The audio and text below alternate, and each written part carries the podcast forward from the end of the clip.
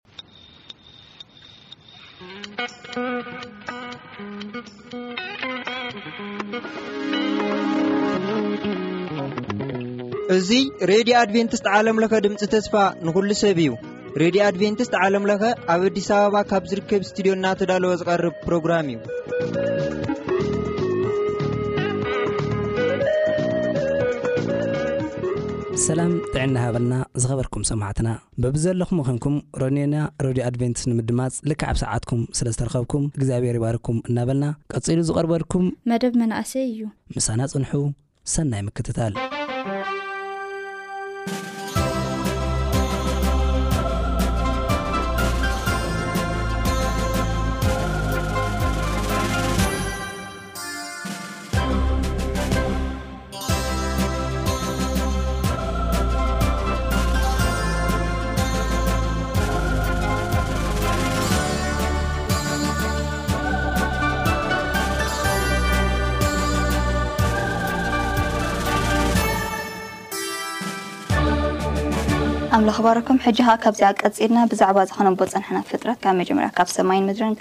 ናብ ሰብ ተፈጢሩሎም ዘሎ ግዜ፣ እዚ ፍጥረት'ዚ ብዛዕባ ኣምላኽ እንታይ እዩ ዝገልጸልና ወይ እንታይ ይምህረና? ራንደምሊ። ምናልባት ኣብዚ ሓሳብ እዚ ይቅርታ ክንዕድል ግን ንምእታው ዝኣክል ወይ ድማ ሓሳብ ንምሃብ ዝኣክል እቲ ቀዳማይ ብዛዕባ ኣምላኽ ኣብ ዝነገረን ነገር ኣብ ኢሳይያስ ምዕራፍ ኣርብዓ ፍቅዲ ዕስራን ሸሞንተን ዘሎ ሓሳብ እዩ እንታይ ይብል እቲ ንወሰናት ምድሪ ዝፈጠረ እግዝኣብሄር ዘላለማዊ ኣምላኽ ከም ዝኾነ ከም ዘይደክምን ከም ዘይሕለልን ኣእምርኡ ድማ ከም ዘይምርመርን ኣይትፈልጥን ዶ ኢኻ እንታይ ንወሰናት ምድሪ ዝፈጠረ ንወሰናት ባሕሪ ዝፈጠረ ንሱ እንታይ እዩ ኣይደክምን ኣይሕለልን ስለዚ እግዝኣቢሄር ሻውዓይ መዓልቲ እኳ ተዓረፈ ደኺምዎ ዘይኮነስ ሓሊልዎ ዘይኮነስ ሪፍረሽ ገይሩ እዩ ዝብል ኢንፋክት ዓሪፉ ዝብል ንባዕሉ በቃ ተንፊሱ እዩ ዝብል እቲ ናይ ትክክለኛ ቃል ኪና ንሪኦ ከለና ኣብ ዘጸኣት ምዕራፍ ሰለስተ ሓደ ንረኽቦ ሓሳብ ሓደ እዚ ይመሃር ካልኣይ ድማ ቀጺለ እግዚኣብሄር ናይ ናይ መልክዕ በቃ ጽቡቕ ነገር ዝፈቱ ኣምላኽ ምዃኑ እዩ ምክንያቱ ኣበባ ኣሕምልቲ ፍራፍረ ተውጽእ በለ ይብል ስለዚ ኩሉ ነገርሲ ኦርጋናይዝ በቃ ስሩዕ ዝኾነ ጽባቐ ዝፈቱ ኣምላኽ ምዃኑ ከምዚ ዓይነት ኣምላኽ ምዃኑ ኣምላኽና ናይ ኣምላኽ ማንነት ይነግረኒ። ሳልሳይ፣ ኣምላኽ ፍጹም እኳ ተኾነ፣ ኣብ ሕድሕድ ነገሩ ግን ስርሑ ዝግምግም ኣምላኽ ምዃኑ ኸኣ የርእየኒ። ጽቡቕ ኮነ፣ ጽቡቕ ኮነ፣ ጽቡቕ ኮነ ክብሉ ከሉሎ፣ እግዝኣብሄር ሕድሕድ ስርሑ ፍጹም እኳ ከነሱ እየ ዝብለኩም ዘለኹ። ሕጂ ኸኣ ንሕና ደካማታት ኢና፣ ፍጹማት ኣይኮነን፣ ምስ ፍጹምውን ክንነጻጸር ኣይግብኣናን እዩ። ግን ፍጹም እኳ ክነሱ፣ ምንም ዘይጎድሎ እኳ ክነሱ፣ ነገር ግን ንሱ። ክግምግም ከሎ፣ ዝግምግም ኣምላኽ ስርሑ ኢቫሉዌት ዝገብር ኣምላኽ ከኣ ምዃኑ የርእየና። ከምዚ ዓይነት ኣምላኽ ምዃኑ የርእየኒ ማለት እዩ። እና ኣምላኽ ከኣ እዚ ፍጥረት እዚ ከምጽኦ ከሎ ካብ ምንም ናብ ዘይምንም ኢንፋክት ፈጣሪ ክንብሎ ከለና ኣብዚ ሓሳብ እዚ ፈጣሪ ዝብል ቃል ኬድና ክንሪኦ ከለና እቲ ናይ ዕብራይስጢ ቃል ካብ ዘይነበረ ናብ ንቡር ምኽንያቱ ሕጂ ብዙሓት ካብ ሓመድ ካብ ዘሎ ነገራት እንታይ ይገብሩ ይሰርሑ ይሰርሑ ይኾኑ ብዙሕ ነገራት ይገብሩ እዮም ፈጠርቲ ኢልና ንጽውዖም ኢና ትኽክለኛ ቃል ኣይኮነን እዚ ንኣምላኽ ተዋሂብዎ ዘሎ ፈጣሪ ዝብል ሽም ግን ማዕረግ ግን እንታይ እዩ ዘርእየና? ካብ ዘይንቡር ናብ ንቡር ዘምጸኣ ፍተጣሪ ምዃኑ፣ ሓያል ምዃኑ፣ ቃል ሓያል ምዃኑ ከኣ የርእየና።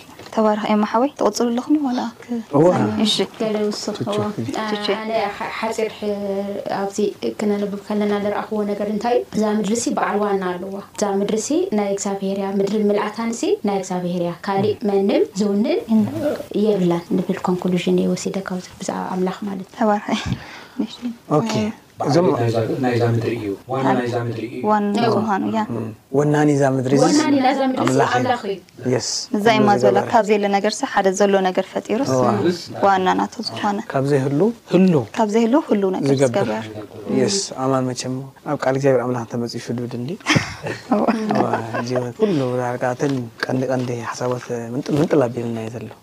ግን ካልእ ኣነ ክውስኮ ብዛዕባ ኣምላኽ እዚ ዘንበብናዮ ታሪኽ ዝነግረና እንታይ እዩ ዝበሎ ዝኸውን ኣምላኽ ምዃኑ ከዓ ይነግረና ኣሎ እሱ ኢሉ ኣብ መዝሙር ድማ በለ ኮነ ኣዘዘ ቆመ ኢሉ ኣሎ ካልእ እግዚኣብሔር ኦርደር ምዃኑ ኣማን ብቅደ ሸነኽ ተንኪፉ ኣሎ ዝሓሳብ ኦርደር ማለት ብስርዓትን በገባብን ኣምላኽ ከይዱ ቀዳማይ መዓልቲ ካልኣይ መዓልቲ ሳልሳይ መዓልቲ ኢንፋክት ኣብቲ መዓልታትስ ንባዕሉስ ክውድኦ ይኽእል ነይሩ እዩ እዚ ኩሉ ስራሕሲ Yes። ኣብ ሓደ መዓልቲ ወይ ኣብ ክልተ መዓልቲስ ክውድኦ ይኽእል ነይሩ እዩ ኩሉ እያ ምክንያቱ እታ ቃል በለ ብቃል እዩ ዝኾን ነይሩ እዋ በለ ኮነ ኣዘዘ ቆመ ከዓ እንተኮይኑ ኩሉ ይኹን ብሓሳብ እንተይሉ ኩሉ ኩሉ ብሓሳብ ክኸውን ማለት ዝኽእል እዩ ግን እግዚኣብሔር ከመይ ዓይነት ዝተደራጀወ ኣምላኽ ምዃኑ እዚ ይነግረና ካብ ኣምላኽ ንመሃሮ እቲ ኣምላኽ ኦርደር እዩ ኣብ ርእሲኡ ነፍሲ ወከፍቶም ፍጥረታት እንድሕር ርኢናዮም ዓሳ እንድሕር ከይድና ኣብቲ ኮራል ሪፍ እንድሕር ወሪድና ክንደይ ሽሕን ሚእትን ዓሌታት ናይ ዓሳታት ትርኢ። ኣዕዋፍ ረኣይ እየን። እዚ ናሽናል ጆግራፊ እንድሕር ርኢናዮ ዓሌት ከመይ እግዚኣብሔር ጽፉፍ ምዃኑ ኦርደር ምዃኑ ጽፉፍ ነገር ይፈቱ እግዚኣብሔር ከም ዝኾን እግዚኣብሔር ዝገበሮ ከኣ ሰናይ ከም ዝኾን ዘርኢ ነገራት ከኣ ኣብኡ ኣለዉ። ካልእ ዝወሰኾ እንታይ እግዚኣብሔር ናይ ግዜ ኣምላኽ እግዚኣብሔር ናይ ሶኒ ኣምላኽ እዩ ናይ ረቡዕ ኣምላኽ እዩ። ናይ ቀዳማይ መዓልቲ ኣምላኽ'ዩ፣ ናይ ካልኣይ መዓልቲ ኣምላኽ ዘይስልጥነለን መዓልትታት ከም ዘየለ ድማ ኣብዚ የርእየካ። ኣው ሓንቲ ነገር መጺኣትኒ እና ሕዚ ናይ ግዜ ክትብል ከለኻ ማለት እዩ ኣብ ሰሙን ክንደይ መዓልቲ እኒኦ ሸውዓተ ወረ እዚ ሸውዓተ ሸውዓተ እዚሲ ማለት ወሲንዎ ማለት ኣምዚ ወሲንዎ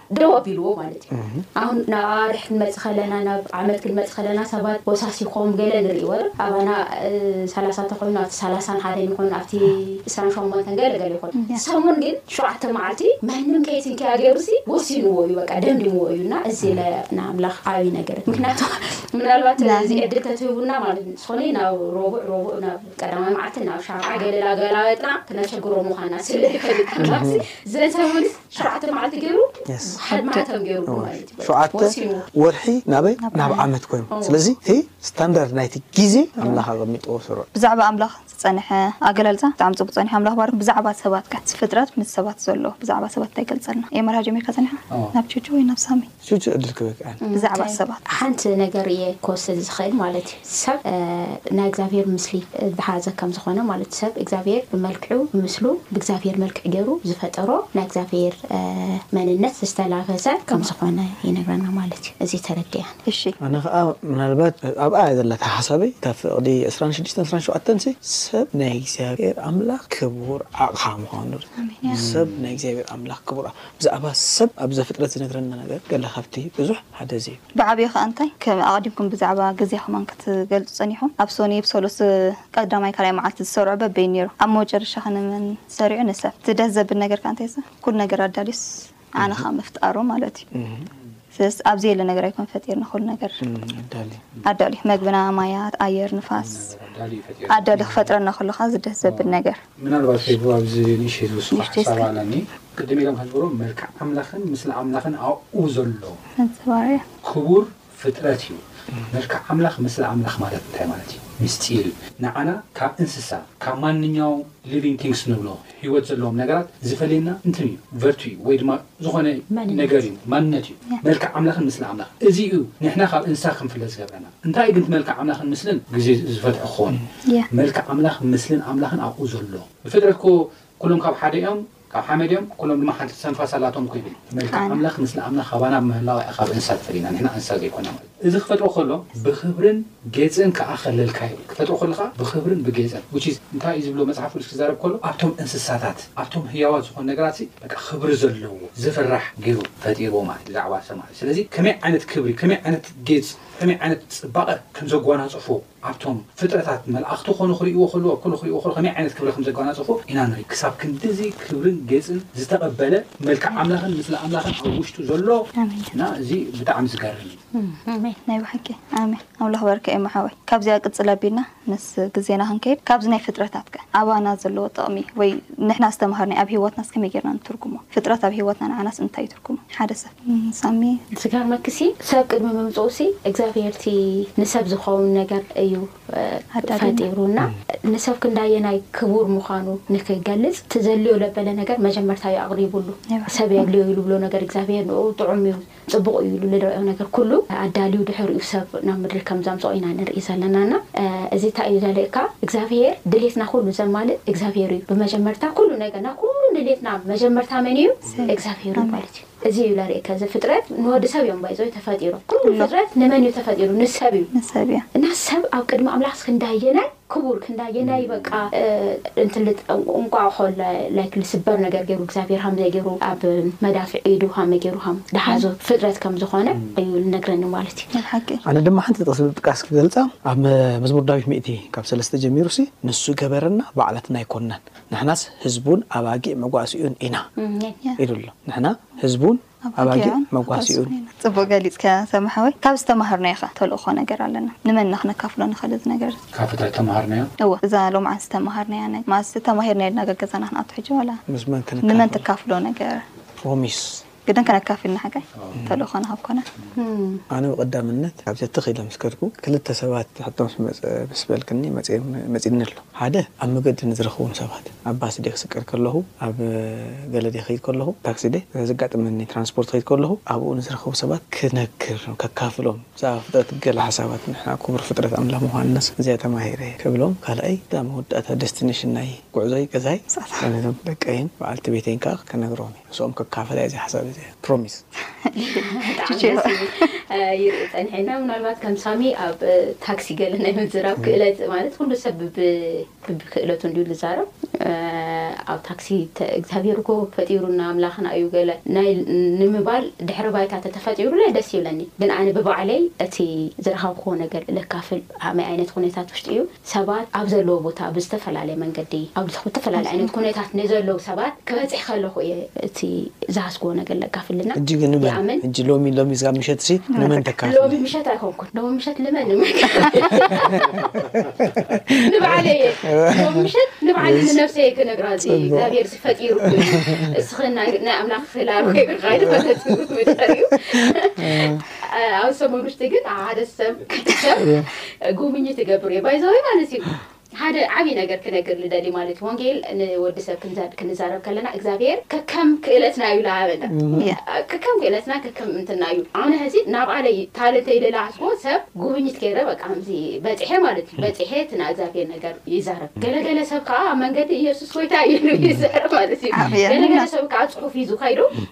ኣንብብ እዚ ገለ ኢሉ ለብልና ወንጌል ብዝተፈላለየ መንገዲ እዩ ለብልና ኣነ ከዓ በቲ ኣነ ዝኽእላ መንገዲ መጀመርያ ንርዕሰይ ካብኡ ከዓ ኣብቲ ዝረኽብዎ ኣጋጣሚ ከዓ እግዚኣብሔር ፈጣሪ ምዃኑ ዝሓስበልና ኣምላክ ከም ዝኾነ ንሱ ባዕሉ ወናኒ ኩሉ ዘዳሉ ምዃኑ ከዓ ክዛረብ እየ ማለት ኮሚትመንት እዩ ማለት መዓዝ እየ ክፍፅሞ ኣብዚ ሰሙን ውሽጢ እዚ ማለት እዩ ድሓን ኣብ ሓፂር ግዜ ትፍፅም እየ እየ ምዃን እዚኣ ከኣለካ ወሲካ እንታይ ነካልኦት ካብ መጌርና ንሕና ንበረኸት ንኸውን ኦሬዲ ገዛ እንታይ እዩ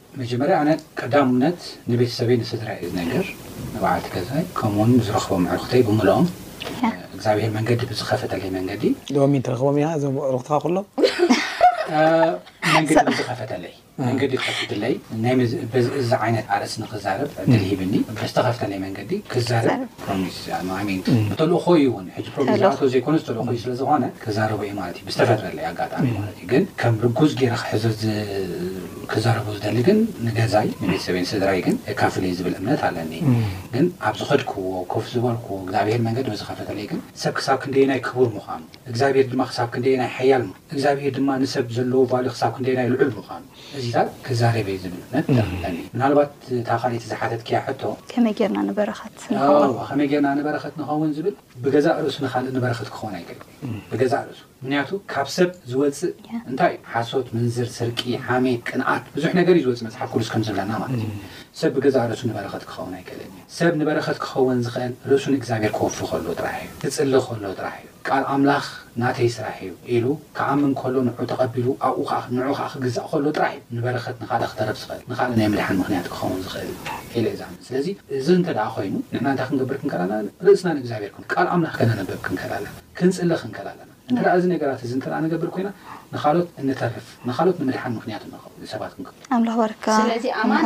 ኣብ ቤቱ እዩ ዝጅምርሎ ማለት እዩ። ካብ ቤት ጸሎት ከይድሉስ ታክሲ ካብ ዘስቅል ታሽሙን ይብሉ። መንገዲ ብዝኸድኩዎን እግዚኣብሔር መንገዲ ብዝኸፈተለይ ክዛረብ።